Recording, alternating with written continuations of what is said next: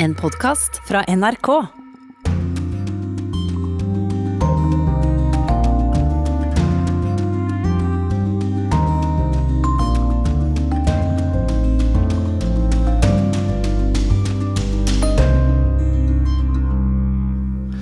Høye smittetall i en rekke europeiske land denne helgen.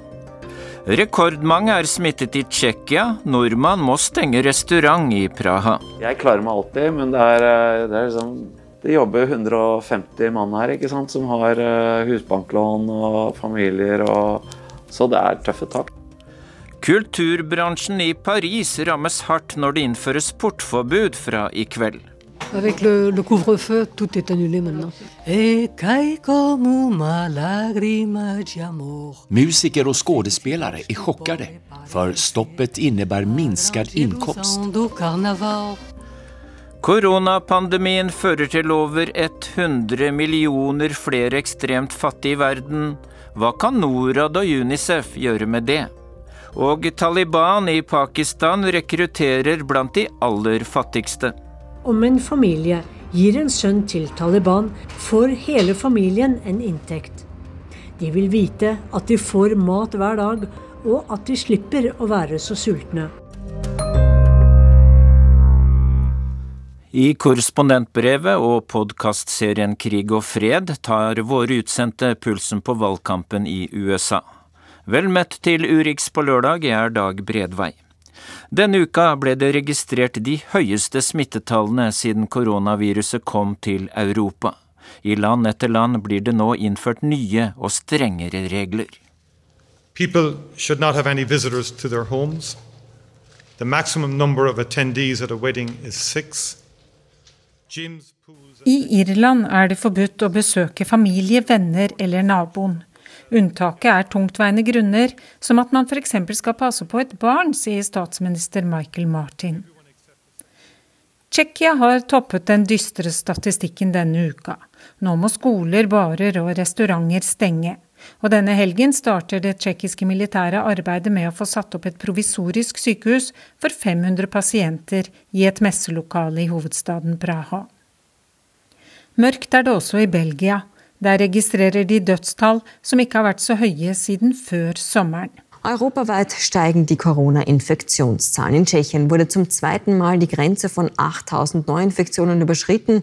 Belgien und die Niederlande haben deshalb jetzt Verschärfungen beschlossen, um die Infektionszahlen Nyhetsprogramlederen i Østerrike melder at man er bekymret over utviklingen.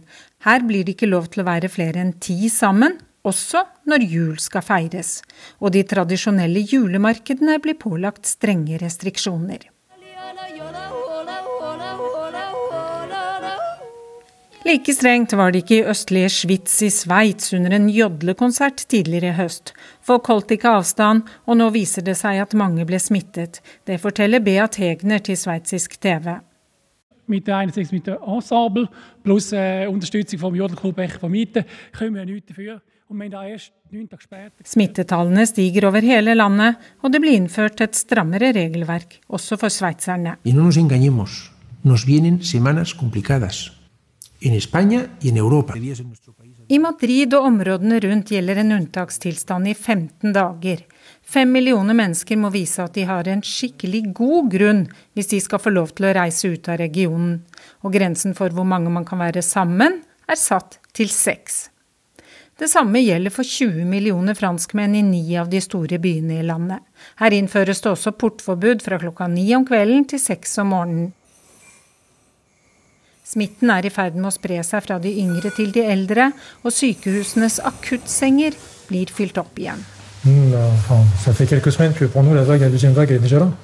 Den andre bølgen er her nå, sier denne akuttsykepleieren.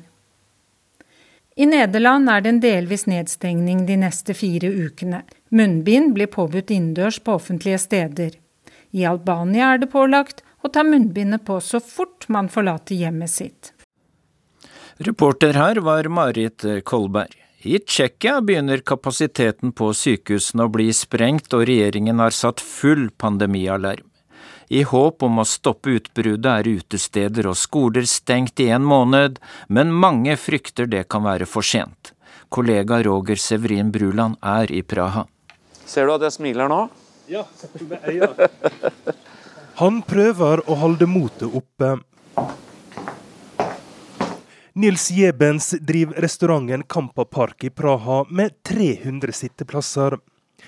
150 ansatte går nå ei usikker framtid i møte. Styresmaktene stenger alle uteplasser i en måned for å få bukt med et massivt koronavirusutbrudd. Ja, her er det tomt. Nå, her er det jo, nå har vi jo tatt bort eh, blomster og stearinlys og bestikk og Jebens er tidligere marinejeger og har drevet kasino i Austerrike.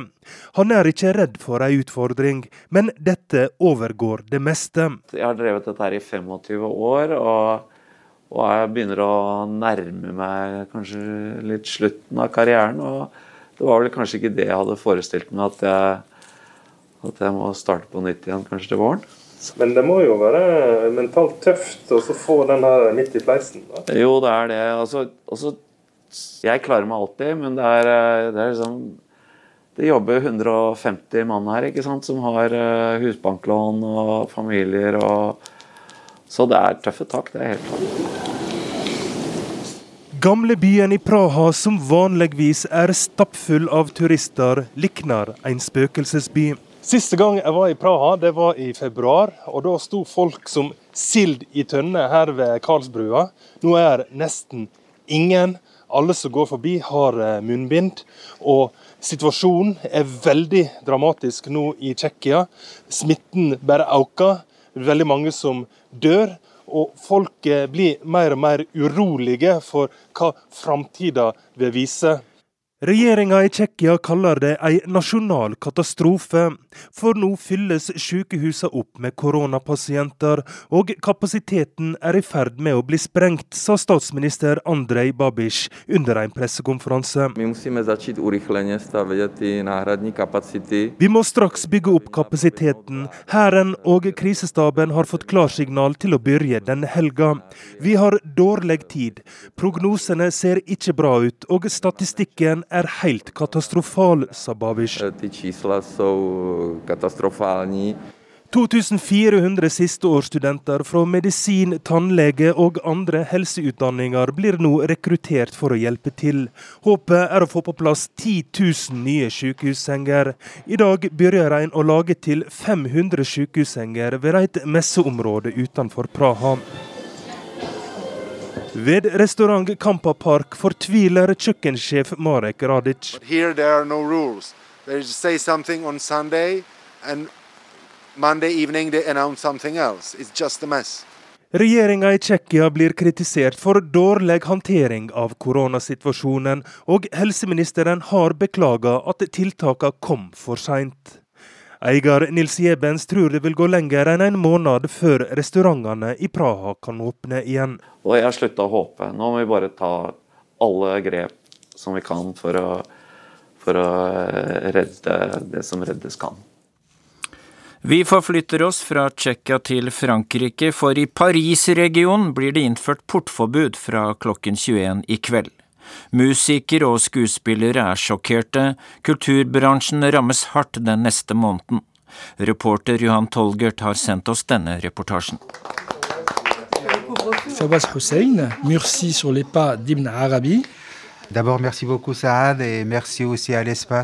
När fransk-syriske författaren Fawaz Hussein signerar sin nya bok på ett kulturcentra bakom Sorbonne-universitetet i Paris lyssnar publiken nyfiket.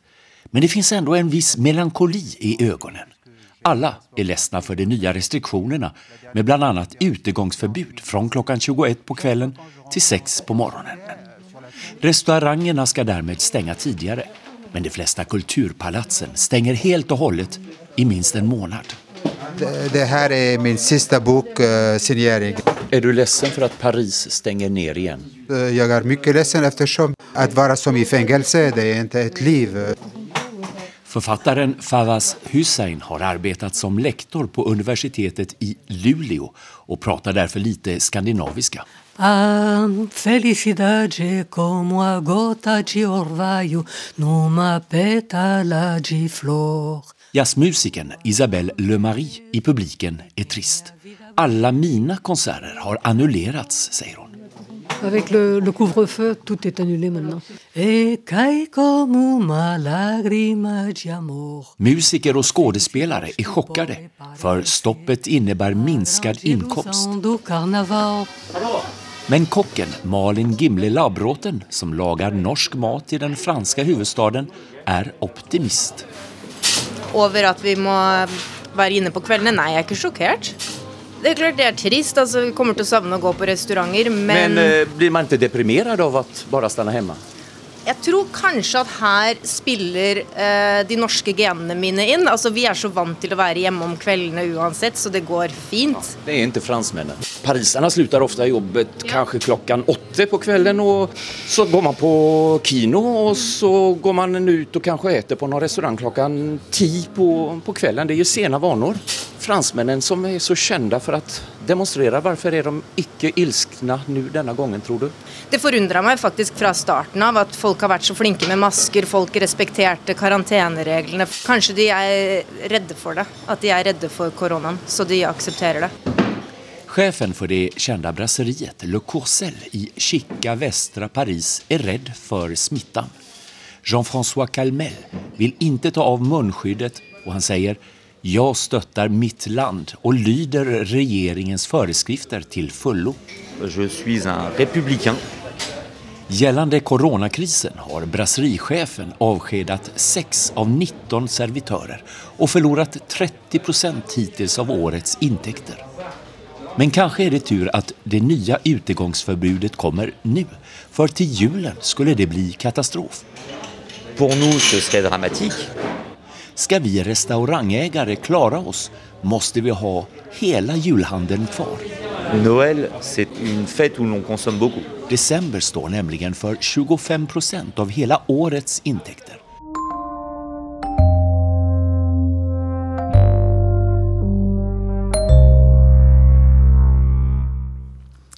Dagen i dag, 17. oktober, er FNs dag for avskaffelse av fattigdom.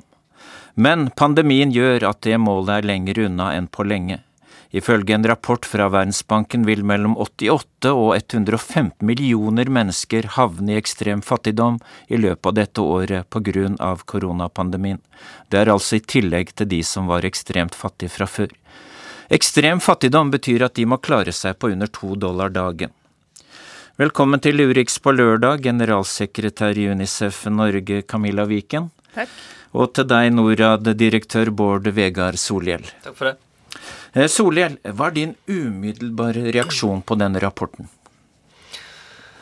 Altså, det er egentlig Hvis vi opplever nå at to tiårs framgang snus til kraftig tilbakegang eh, Fattigdommen har gått kraftig ned.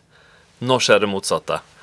Og så tror jeg det som kan være viktig i Norge å forstå da, for folk, det er jo at eh, mens vi opplever det her veldig sterkt som mest en helsekrise, som får litt økonomiske, eller kraftige økonomiske konsekvenser, så er det i Afrika, og Sør-Asia og andre regioner tendenser til det motsatte. På det afrikanske kontinentet eh, så er smitten mye mindre utbredt enn vi opplever, men de tiltakene mot den har ført til en økonomisk nedstengning som rammer folk voldsomt. Ja, fordi det er innført portforbud, strengt portforbud i mange land. Mange har mistet eh, jobbene sine. Og som du var inne på, det var jo en positiv trend lenge. 52 millioner ut av fattigdom mellom eh, 2015 og 2017. Ja, siden uh, egentlig århundreskiftet og før det, så har hvert eneste år en god del mennesker som har klart å karre seg litt opp, få litt fastere inntekter, livlære seg litt grann bedre, få ungene på skolen, helsesituasjonen har blitt litt bedre. Og for første gang nå så opplever jeg skikkelig tilbakegang. Og, og hvis vi kan tegne et bilde hvordan det ser ut på bakken Husk, i Afrika for eksempel, så jobber de fleste i det vi kaller den uformelle økonomien. Tenk, tenk deg sjøl, for de som har vært der, de, alle de her små eh, eh, bodene som står ved gata overalt, og man selger noen ting, et lokalt marked, alt sånt. Når folk reiser mindre, har mindre penger, beveger seg mindre, da får man ikke solgt varene sine, og det er inntekten til mange. En annen stor næring, turistindustrien, nesten totalt stengt ned. Der er det veldig mange som har fått de, de faste inntektene som har gjort at de klarer seg bra. Og når de er borte, så har de mindre å rutte med. Vi ser at i alle land går inntektene til folk ned. Samtidig så kommer ofte ikke landbruksvarene fram. Eh, Prisene har gått opp, og det har blitt litt dyrere å livnære seg. Og det her har blitt en forferdelig eh, alvorlig situasjon for veldig mange. Camilla Viken, Unicef er verdens største hjelpeorganisasjon for barn, og bak dette enorme tallet skjuler det seg mange barnefamilier. Eh, hvilke reaksjoner har du fått fra dine ute i felten? Jo, De så jo ganske tidlig ute i alle de landene Unicef er i, og det er nesten alle land, at dette kommer til å ramme barna sterkest. Eh, foreldrene mister jobben, og da eh, blir desperasjonen veldig rask eh, sånn at barna blir veldig sårbare for utnytting, trafficking, tvangsekteskap og andre ting. Og først og fremst så er det jo nå fare for at 700 millioner barn eh, vil gå uten å vite når de skal få mat. Eh, og foreldrene vet ikke om disse barna lever om noen uker.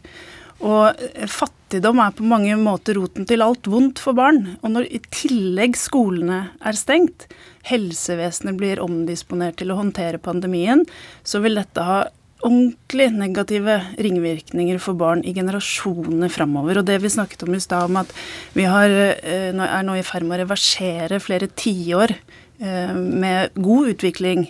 Så barn er Det er flere fattige barn enn det er voksne. Og i løpet av de siste 30 årene har vi halvert barnefattigdommen. Og det gjør jo at eh, barna også i neste generasjon får det bedre, og økonomien i de ulike landene går bedre. Så når barn blir fattige. Ikke bare dør de fortere og de blir utbyttet, men det går verre også for landet de bor i. Så vi er veldig veldig bekymret for denne utviklingen. Mm. Eh, før vi snakker sammen mer, så skal vi en tur til Pakistan. For i Pakistan har kollega Sissel Wold truffet noen av de aller fattigste rett utenfor Islamabad. Mange fattige står i fare for å bli rekruttert av Taliban og andre ekstremistgrupper. Det at de er ekstremt fattige, gjør dem til et lett bytte. Langs en litt dårlig asfaltvei i utkanten av Islamabad har rundt 30 familier slått seg ned i telt. Teltene, om de i det hele tatt kan kalles telt, er satt sammen av strie fra rissekker, falmede tepper og plastduker og det de ellers har fått tak i.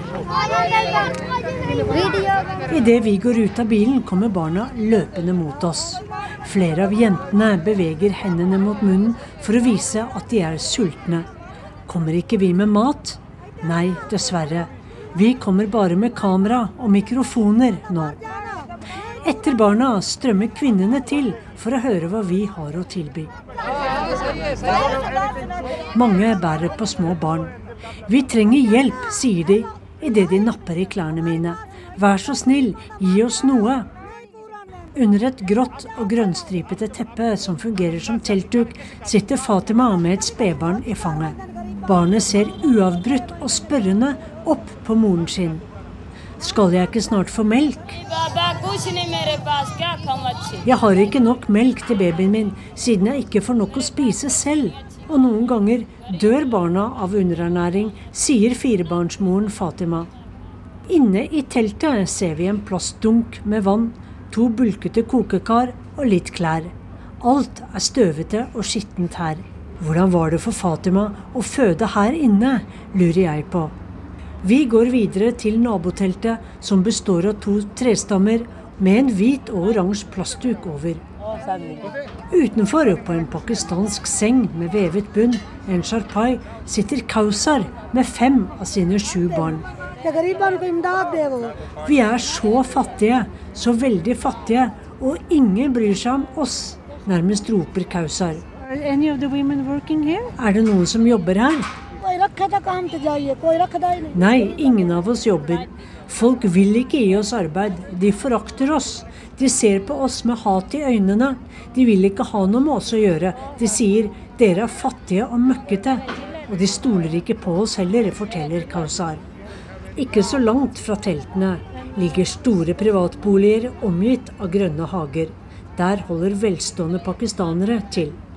Og det er dem de fattigste håper å leve av for de har flyttet fra sør i Punjab til disse sandhaugene for å tigge. Hvor lenge har dere bodd her ute, spør jeg. 20. I 20 år, og noen har bodd her i 15. Hvor får de vann fra? Akkurat nå finner vi vann på en anleggstomt i nærheten, for der finnes det en vannkran som er åpen. De voksne er arbeidsløse, og barna får ingen skolegang.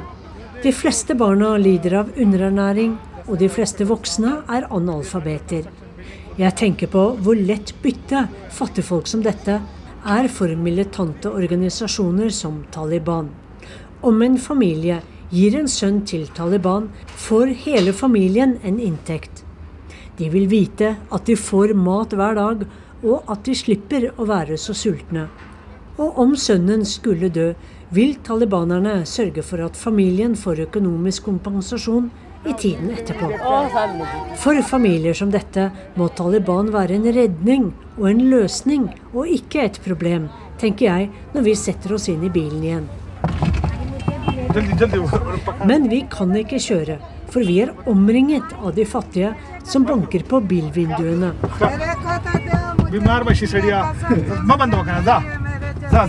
Gi oss noe, sier de, gi oss noe mer. For selv om vi har delt ut penger for å gi noe tilbake, kan det aldri bli nok når nøden er så stor. Og det er eh, reporter Sissel Wold som er i Islamabad i Pakistan. Og Solhjell, hvilke tanker gjør du deg om at fattigdom fører til at mennesker lett kommer i armene på terrorgrupper? Altså Det er jo helt riktig og kjent det vi her hører. Altså at eh, Når mange opplever ekstrem fattigdom, så får det en del andre konsekvenser òg. Fra at man blir mer utsatt på, fra overgrep man ikke er på skoler, som eh, vi hørte her i sted, til eh, mer utsatt for terror eller organisert kriminalitet og koblinger til det. Eh, og, og, den viktigste løsningen nå, det er jo å rette en ekstra innsats eh, fra alle. For å begrense det, og for å støtte det i mange land. Vi kan håpe en overgangsperiode før vi igjen kan komme på sporet av å få fattigdommen nedover, som vi jo har klart i mange tiår. Mm. Camilla Viken, i visse områder blir også barn rekruttert til militante ekstremistgrupper som Taliban og Al Qaida og IS. Hva kan UNICEF gjøre? Ja, altså For det første så vil jeg bare si at det, det er fattigdom som gjør at foreldrene blir så desperate at de egentlig selger barna sine. Eh, eller at de må inngå tvangsekteskap. Eh, akkurat når det gjelder de problemene, så bruker Unicef mange, mange timer på å forhandle med opprørsledere, med imamer, og få frigitt mange barn. Men i dette tilfellet, hvor fattigdommen ikke blir løst av det, så er faktisk eh, noe av det beste virkemidlet vi har, det er kontantoverføringer til familiene. Ikke helt ulikt den norske barnetrygden, mm. men mer behovsprøvd. For da ser vi at mødrene, som er de som som regel får ansvaret for det, de bruker det på en sånn måte at barna og familien får kommet seg gjennom krisen uten å bli tvangsgiftet eller rekruttert til eh, andre grupper. Og for å få til kontantoverføringer og ha midler til det, så ber UNICEF regjeringer og arbeidsgivere og institusjoner i alle land om å øke bevilgningene til barn og barnefamilier og eh, til selvfølgelig de tjenestene barna trenger. Helse og eh, skole som nå må drives på en annen måte. Mm.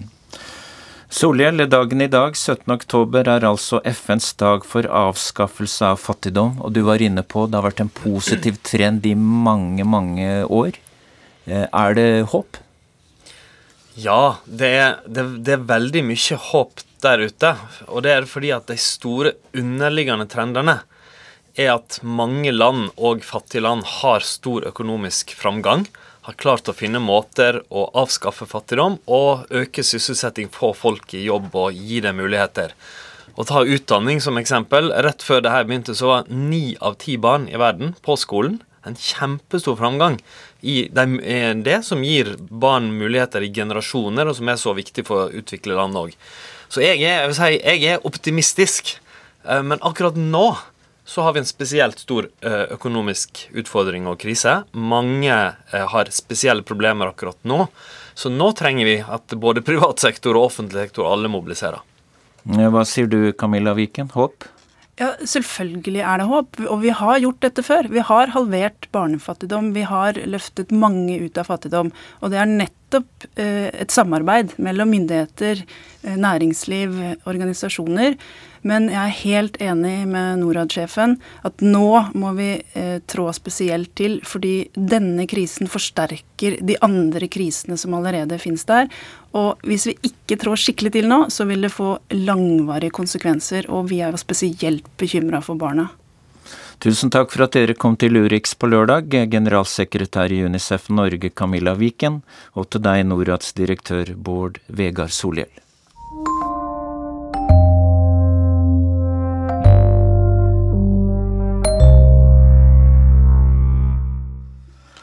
Klokka er 11.28, du hører på Urix på lørdag. Det er tid for å åpne ukens korrespondentbrev. Det kommer fra USA-korrespondent Anders Magnus. Han opplever at amerikanerne er eh, sintere enn før, og reddere. Jeg lurer på hvem som først vil bruke knyttneven. De står så tett inntil hverandre, skriker hvert sitt budskap til motstandere som uansett ikke vil lytte. Amerikanerne er fryktelig sinte på hverandre om dagen. På den ene siden av gaten står Trump-tilhengerne med amerikanske flagg og roper ut sin hyllest til presidenten.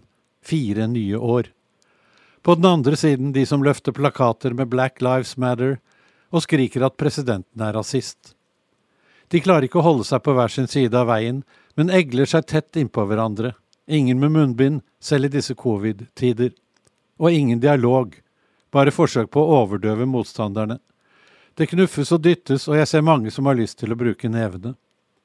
Jeg er i Kenosha, en liten by i delstaten Wisconsin, en såkalt vippestat som Trump vant med et knøttlite flertall i 2016. Nå er det igjen politisk kamp om flertallet her, men det er en lokal hendelse som har satt fyr på byen, bokstavelig talt. Her ble svarte Jacob Blake skutt fire ganger av politiet under en pågripelse. Han ble lam fra livet og ned, Byen eksploderte i protester og opptøyer. Noen av demonstrantene knuste biler og butikkvinduer og satte fyr på bygninger. En Trump-tilhenger skulle konfrontere demonstrantene og endte med å skyte og drepe to av dem. Nå ligger deler av sentrum i ruiner, så å si alle butikker og bedrifter har dekket til vinduer og dører med sponplater, og på gatene krangler folk høylytt videre. Det er ingen fred å få i Amerika. Sommeren har vært overopphetet. Protester mot drapene på svarte George Floyd og Brianna Taylor. Demonstrasjoner og motdemonstrasjoner over store deler av landet. Jeg har reist rundt og sett hvordan private, væpnede grupper får økende oppslutning. I Michigan planla de å kidnappe guvernøren, drepe politifolk og styrte delstatsregjeringen. Det føderale politiet, FBI, advarer om at høyreorienterte militser utgjør en overhengende, voldelig ekstremistisk trussel og at konfliktnivået i USA vil øke framover mot valget 3. Jeg kjenner ikke helt igjen det amerikanske samfunnet jeg ble en del av for tre og et halvt år siden. Folk har sluttet å hilse på hverandre. Ingen snakker sammen i heisen slik de alltid gjorde før. Der hvor det ikke protesteres, er gatene stort sett tomme. Før opplevde jeg USA som det enkleste land i verden å få folk i tale foran mikrofon og kamera og jeg har intervjuet folk og laget reportasjer fra nesten hele kloden i min lange karriere som journalist. Nå er det ikke så enkelt lenger her i Amerika. Svært mange vil ikke snakke. Smilet og vennligheten er borte. Folk snur seg vekk når man passerer dem. Selvsagt har det med pandemien å gjøre. Munnbind skjuler smil, og avstandsregler gjør folk skeptiske til fremmede som nærmer seg. Å slå av en prat med sidemannen på en bar er ikke så lett. Enten sitter han for langt unna, eller så er baren rett og slett stengt. I San Francisco møtte jeg en helt annen by enn den jeg har besøkt så mange ganger tidligere. Intet yrende liv med turister, ingen morsom trikk opp de bratte gatene, nesten ikke et menneske i sentrum. Stort sett bare hjemløse og mentale pasienter holdt til i gatene. Butikker og barer hadde pyntet fasadene med deprimerende sponplater og skilt som fortalte at de var midlertidig stengt slik mange har måttet gjøre de siste ukene. Amerikanerne er sinte. På Trumps behandling av pandemien, på demokratene som mange tror skal ta fra dem våpnene, på guvernører som stenger ned skoler og samfunn, på dem som ikke vil gå med munnbind. Selv munnbindet har blitt en politisk markør i USA. De fleste demokrater bruker det. Jeg har sett flere av dem som har beskyttet både nese og munn, til og med når de er alene inne i sin egen bil. Svært mange republikanere nekter å bruke det. Da vi intervjuet folk i områder hvor de fleste er Trump-tilhengere, våget heller ikke vi ta på oss munnbind. Det ville vært å markere politisk motstand, og få ville ha snakket med oss. Færre og færre stoler på sine valgte ledere i Washington DC. I 1964 hadde 77% av amerikanerne tillit til myndighetene. Nå er det bare 17% Oppe i dette kaoset har også utenlandske aktører rørt i gryta. Verst er Russland. Nå har amerikanske etterretningstjenester igjen fastslått at russerne påvirker. Denne gangen også på Trumps side. Og mer sofistikert enn for fire år siden. Russerne står bak en rekke falske påvirkningskontoer på sosiale medier. Verre er at de har startet en omfattende hacking av kommuner og fylkeskommuner og deres velgersystemer på nett, pluss firmaer som selger slik programvare. FBI frykter at de i verste fall kan klare å ødelegge for stemmesteder og kidnappe elektronisk avgitte stemmer. Uansett har russerne allerede oppnådd sitt overordnede mål i løpet av de siste fire-fem årene å svekke det amerikanske demokratiet. De har klart å sette folk opp mot hverandre, få dem til å hate sine medborgere og til å reise tvil om valgene blir riktige og rettferdige. Amerikanerne er ikke bare sinte, de er også redde. For hverandre på grunn av covid. Derfor tør mange ikke gå til stemmelokalene, men foretrekker i stedet å sende valgseddelen i posten eller slippe den i en kasse som valgmyndigheten har satt opp. Så redde er folk for stemmene sine at mange har valgt å trosse redselen for covid. De tar ikke sjansen på poststemmer og stiller opp ved valglokalene. Allerede nå er det rekordlange køer av stemmeberettigede der valglokalene har åpnet. Mange har ventet i kø i opptil elleve timer for å få gjort sin borgerplikt. Myndighetene tror det blir rekordoppslutning, noe som kanskje ikke er så vanskelig i et land der det er vanlig at bare litt over halvparten av de stemmeberettigede deltar i presidentvalgene. Stemmeiveren nå er et godt tegn for demokratiet, men kanskje et dårlig tegn for Donald Trump. En av republikanernes meningsmålere sa nylig at valget blir en folkeavstemning over presidenten, og at det så langt ikke ser særlig bra ut for ham. Trump har svart med en erklæring om at den eneste grunnen til at han kan tape, er hvis det forekommer juks. Han vil ikke si om han vil forlate Det hvite hus ordnet og fredelig dersom han taper, slik alle tidligere presidenter har gjort. Derfor frykter ikke bare FBI, men også store deler av befolkningen at det kan bli politisk vold i forbindelse med valget. Eller kanskje særlig etterpå. Resultatet er at stadig flere væpner seg og kjøper ammunisjon, også demokrater, som føler seg truet og vil kunne beskytte seg. De fleste våpenbutikker er utsolgt for kuler og krutt. En venn av meg har vært republikaner i hele sitt liv. De siste fire årene har han vært medlem av Trumps regjering. Nå er han helt fortvilet og sier at presidenten er ustabil og forstyrret. Dette går ikke lenger, mener han. Han er klar for å forlate stillingen i regjeringen. Uansett om Trump hadde fått fire nye år, ville han sluttet. For han kjenner ikke lenger igjen sitt gamle parti. Nå håper han at demokratene vinner storeslem og tar over alt, både presidentskapet og flertallet i Senatet og Representantenes hus. Det vil være den eneste måten folk i partiet kan innse alvoret, og vi kan begynne å bygge det republikanske partiet opp igjen, helt fra bunnen og med nye verdier. Med en ansvarlig økonomisk politikk, men også med sosialt ansvar og medfølelse. Verdier som partiet har mistet under Trump. Verdier som er i ferd med å forsvinne i Amerika.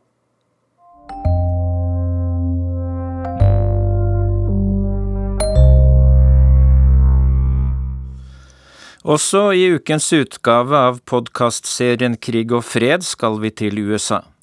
Mange ønsker å avgi stemme i god tid før valgdagen 3. november. Reporter Tove Bjørgaas har møtt amerikanere som må legge ned en stor innsats for å få avgitt sine stemmer. Det er ikke uvanlig å stå sju til åtte timer i kø, forteller hun blant annet.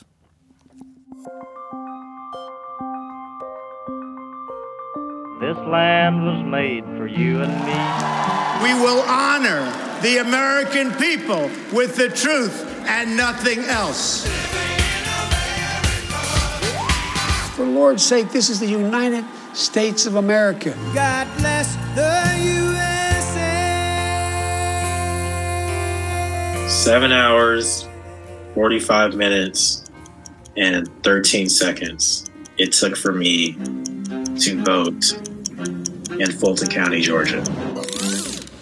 Hadde du orket å stemme hvis du måtte stå sju timer i kø? Eller hvis du måtte få flere vitner til å skrive under på forhåndsstemmen din? I feel like maybe it's intentional that it's so difficult to vote. President Trump snakker ofte om hvor mye juks det vil bli ved presidentvalget. Thousands and thousands of ballots are missing. Men jeg har vært i Georgia og møtt folk som må legge ned litt av en innsats for i det hele tatt å få brukt stemmeretten. Hvorfor er det så komplisert å være velger i USA? I don't think it's the new machines. I do think that there is systematic disenfranchisement of specific communities. Du hører på Krig og fred i Amerika med Tove Bjørgaas. Det er ganske slitsomt å gå med munnbind hele tiden. Her ligger det på bakken, da.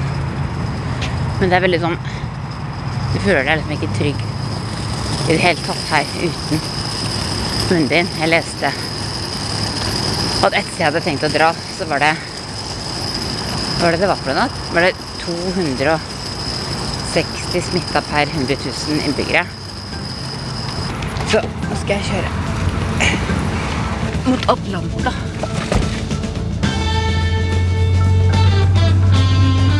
Dette skal altså ikke være nok en podkast om koronaviruset. Men det er relevant å høre litt om det først, når det skal handle om hvordan presidentvalget skal gjennomføres i praksis på et sted som her i Georgia.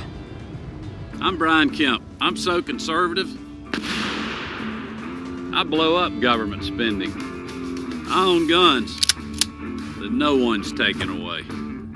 Dette er Brian Kemp. Han høres litt original ut, men han er faktisk den som bestemmer her i Georgia.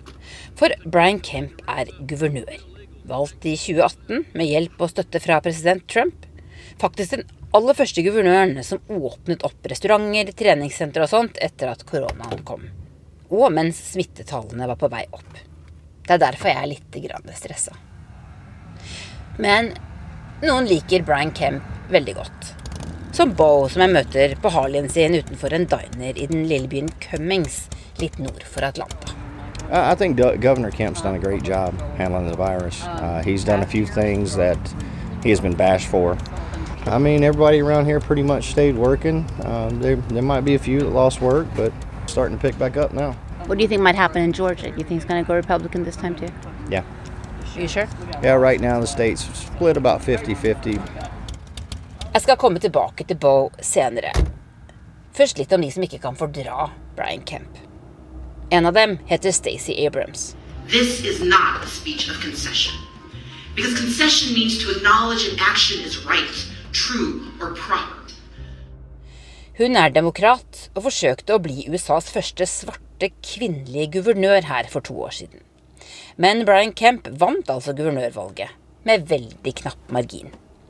Abrams mener han stjal det, ved å gjøre det nesten umulig for hundretusener av mennesker å stemme. Brian Kemp var nemlig ansvarlig for valggjennomføringen i Georgia, fordi han var innenriksminister samtidig som han stilte til guvernørvalg. På denne valgdagen for to år siden måtte mange bruke hele dagen på å få stemt, fordi køene var så lange noen steder. Somebody please help us. The systems are down. Og køene var lengst i nabolag hvor det bodde mange afrikanske amerikanere. Stemmemaskiner virket ikke, forhåndsstemmer forsvant, og mange av velgere var blitt slettet fra velgerregisteret av myndighetene, fordi myndighetene mente de hadde flyttet. Men det hadde de ikke. Nå er det valg igjen, og jeg skal møte Evan, som frykter at det kan bli kaos her i Georgia også 3.11. Evan er bare 22 år gammel, men han er aktivist og har rett og slett startet en organisasjon. Hver helg nå holder han kurs. Han møter meg utenfor kurslokalet i en pause, iført visir i stedet for ansiktsmaske. Hei. Hello. So you're wearing your, not a mask, but, a, but one of those. What do you Yeah, call them? A face covering, a face You shield. feel that's better, or So what happens is, so everybody in the class wears a mask, but then I wear my face shield so that when so I can project. so you can so you can actually so they can see your mouth. Yeah. So I got here at 7:30 and I finished teaching at 12:30. How many people are here? At 20. So you're spending your weekends doing this. Yep, all Saturdays. Gosh, is this uh, how many of these have you had? I'll talk about 40 to 50. Wow. Evan har startet The Georgia Poll Worker Project. Det han driver med, er rett og slett å trene opp unge folk mellom 16 og 25, slik at de kan jobbe i valglokalene 3.11. og sørge for at køene blir kortere. Det er mange eldre som vanligvis gjør denne jobben, men pga. koronaviruset så tør de ikke. Hello, my name is Evan Malbro. I am 22 years old. I'm a recent graduate of Georgia State University from the Atlanta area, and I'm the founder of the Georgia Youth Poll Worker Project. Um, the Georgia Youth Poll Worker Project's goal is to recruit young people ages 16 to 25 to be poll workers. And why is that so important? Because uh, poll worker shortages leads to lack of access for voters in the form of precincts. The less poll workers we have, uh, the less precincts we have to serve people, especially in marginalized communities. And then most poll workers are over the age of 60, so they serve a great risk to COVID 19, while less than 10% of poll workers are ages 16 to 25. So you're trying to get young people to work during the election. That is correct. How's that going? Going great. We recruited about 800. 800 people. Yes. Wow. Evan forklarer at det rett og slett er for få valglokaler mange steder i Georgia, fordi delstatsmyndighetene ikke bruker nok penger på gjennomføringen av selve valget. Han jobber frivillig og har dessuten samlet inn penger fra forskjellige stiftelser. we don't prioritize our election over many other things. So because of that, communities are often historically underfunded also are underfunded in elections. And that leads to long lines, and that leads to a lack of precinct, and that leads to a lack of, lack of voter information, which all lead to a lack of participation. I Georgia har det lenge vært få fattige og svarte som stemmer. Da jeg var her for fire år siden, møtte jeg Ense, som helt siden 2013 har forsøkt å gjøre noe med det. I en organisasjon som heter The New Georgia Project. Jeg ringer henne på Zoom, selv om vi begge er i Atlanta. Hello? Det er mange som er så redde for korona at de ikke vil Hello? møtes fysisk. Hi. Hi. Hey, how are you? I'm doing well. Hi. Sorry, I was trying to manage my dogs. Og Ense forteller at forhåndsstemmingen her begynte med et brak denne uka. Um, so we had the first day of early voting yesterday. Um, we saw long lines at the polls, and people were waiting in line for up to eight hours to vote yesterday. Uh, my name is Ense Ufak, and I'm the CEO of the New Georgia Project. And so that Really? is Eight hours yesterday. eight hours yesterday. Um, so that's demoralizing. Um, you know, if people have health issues, if people have professional and personal obligations, um, like who has eight hours to give to stand in line to vote? So is Right. this happening all over the state? we are seeing sort these types of inconveniences all over the state. Yes, absolutely. Long lines across the state. You know, a lot of this is foreseeable. A lot of this was preventable. Um, and what we are doing in this moment is to make sure that we can encourage voters to stay in line. So we're bringing water, we're bringing snacks, we've brought chairs, we've hired uh, stilt walkers and drag queens and DJs to show up to entertain voters to keep people's spirits high. Ok, så NC Ufot forteller altså at de forsøker å underholde velgere med musikk og gjøglere og menn i drag for å få dem til å holde ut åtte timer i kø for å forhåndsstemme. Men hadde det ikke vært bedre om det bare var litt enklere å få stemt? NC vet at veldig mange rett og slett ikke stemmer, spesielt mange svarte her i Georgia. Og hun har regnet ut hvor mange som lot være å bruke stemmeretten ved forrige valg. We know that there are nearly 1 million eligible Black voters in just metro Atlanta who didn't vote in 2018. And so, um, not that we would get 100% of those million, but even if half of those million, if 20% of those million voted and their votes were counted, we would be in a completely different position as a state um, and as, as a country, quite frankly. Is it correct to say that that your politicians are trying to make less people vote? Is that the goal? Yes, I would say that there are some politicians in Georgia right now who are using their position to make it more difficult for people to vote. And why would they want to do that?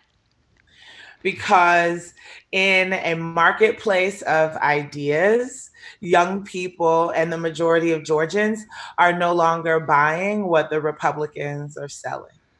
And so it, the only way for them to continue to stay in power is for them to make it more difficult for new people to vote because these people are coming and voting for change. Men hvorfor er det egentlig blitt sånn som dette både i Georgia og flere andre steder, spesielt i sørstatene i USA? Og er det bare replikanere som gjør og har gjort det vanskelig for svarte å faktisk bruke stemmeretten? Jeg ringer en venn som er førsteamanuensis i juss, og bor i en enda mer republikansk delstat ikke så langt unna. Jeg heter Ole Egil Andreassen, jeg bor i Oklahoma. Og jeg er deltidsansatt på Universitetet i Tromsø. Eh, jeg er opprinnelig fra Narvik, eh, og jeg jobber med juss og økonomi, og så jobber jeg med olje og gass. Ganske mye, men også med, med juss, Ole. Og det er derfor jeg har eh, ringt deg opp, for du kjenner jo også godt til amerikanske lover og valglover og høyesterettsdommer osv. Eh, hvorfor er det så mye styr rundt hvem det er som skal få lov til å stemme i USA? Eller, eller at det skal være så komplisert bare å få sjansen til å stemme? Det som er problemet i USA, um, er at valglovene bestemmes veldig lokalt. Uh, og Det betyr at det er de som sitter med den politiske makta lokalt, på ethvert sted og i enhver stat, som, som bestemmer hvordan, hvem som skal få lov å stemme. Eh, hvor enkelt det skal være, hvor det skal stemmes. Eh, og det har vært brukt ut eh, over i amerikansk historie. Politisk. politisk. På 1900-tallet var det demokratene som prøvde å stoppe de svarte fra å stemme. Demokratene var for slavehold. Republikanerne ble danna som et, et, parti mot slavehold. Og Da prøvde demokratene etter borgerkrigen og hindre de svarte fra å stemme. Og Måten de gjorde det på, det var eh, gjennom det som vi kaller poll tax, f.eks. Det betydde at man måtte betale for å stemme. Og så hadde de eh, sånne, sånne, lesetester hvor de, eh, hvor de, la frem eh, noe særdeles vanskelig som ingen eh, legperson kunne lese. Og så måtte de her svarte få lese det for å kunne registrere seg for å stemme. Men det var bare de som måtte gjøre det? Eller? Vanskelige lover og regler. Det var bare de som måtte gjøre det. Eh, det var ingen hvite som ble spurt om sånt.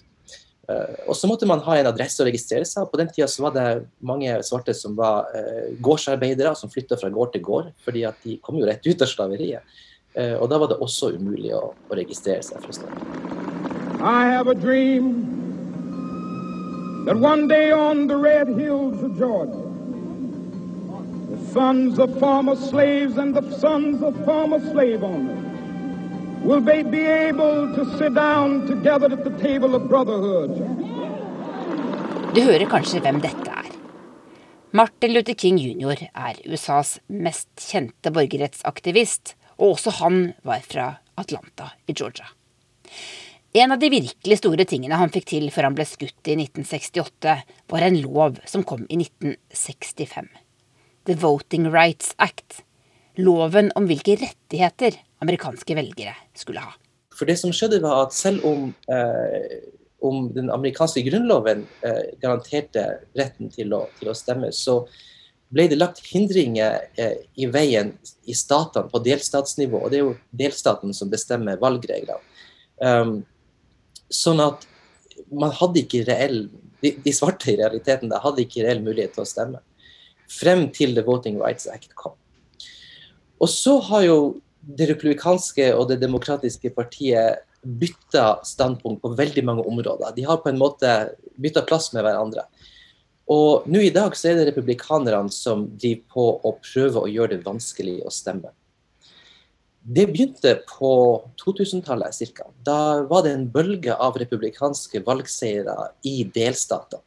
Eh, republikanerne tok over en rekke delstatsforsamlinger og fikk da kontroll med, med valgsystemet.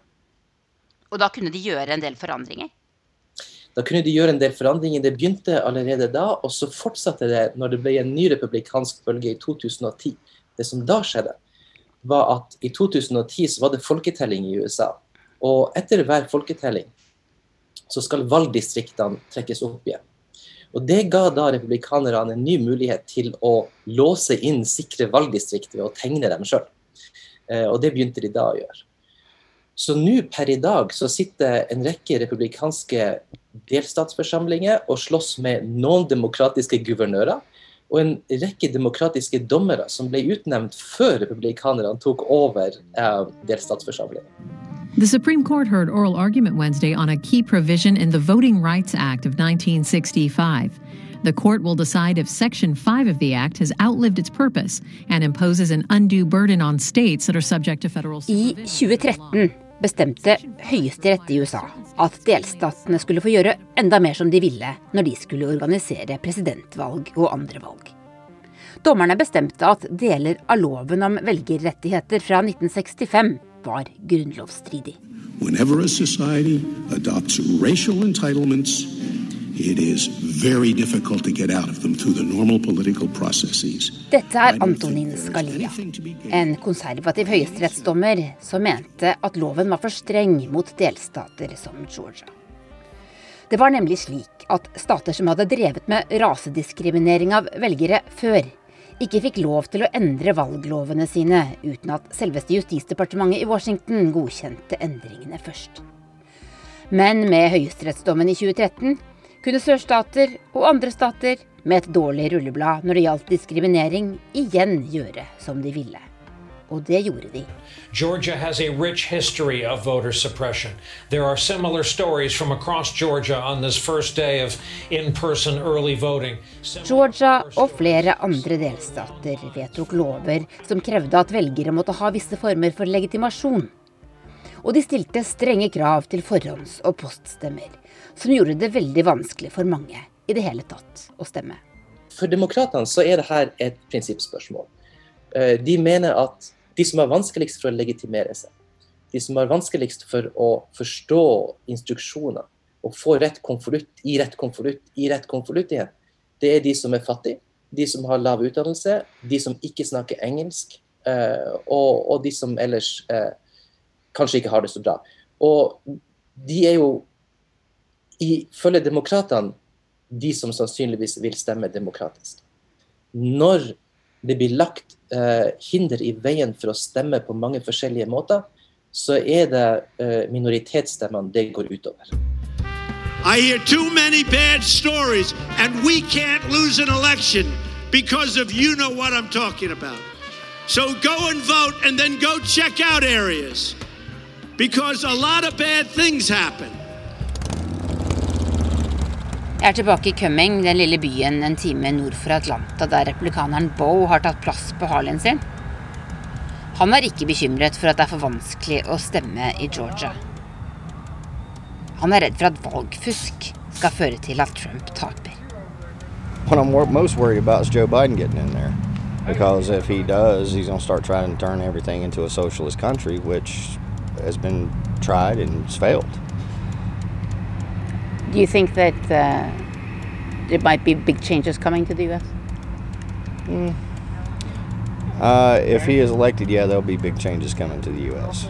But uh, if Trump's elected, I'm looking for more of what he's done for the past four years. He says that he's not going to sort of just get out of office if, if he's not sure the election has been fair.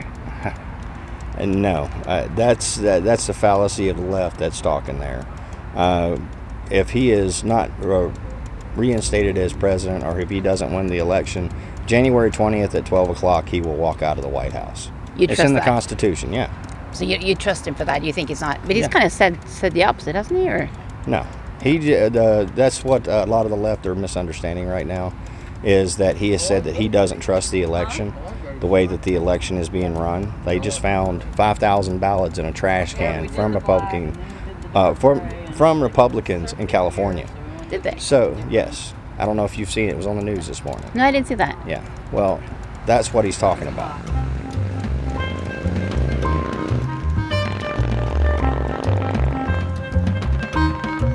Du har hørt Krig og fred i Amerika, en podkast fra NRK Urix. Lydregien var ved Merete Antonsen.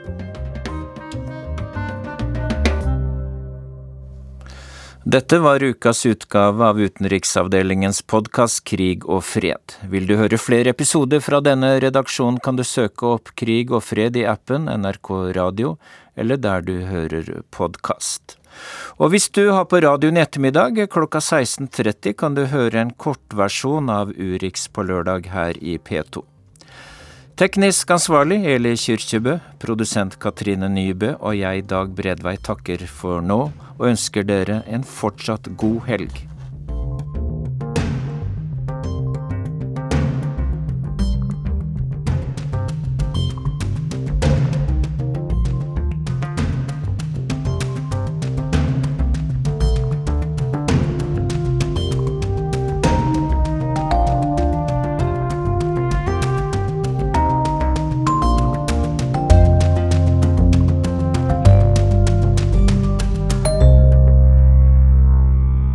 Du har hørt en podkast fra NRK. Hør flere podkaster og din NRK-kanal i appen NRK Radio.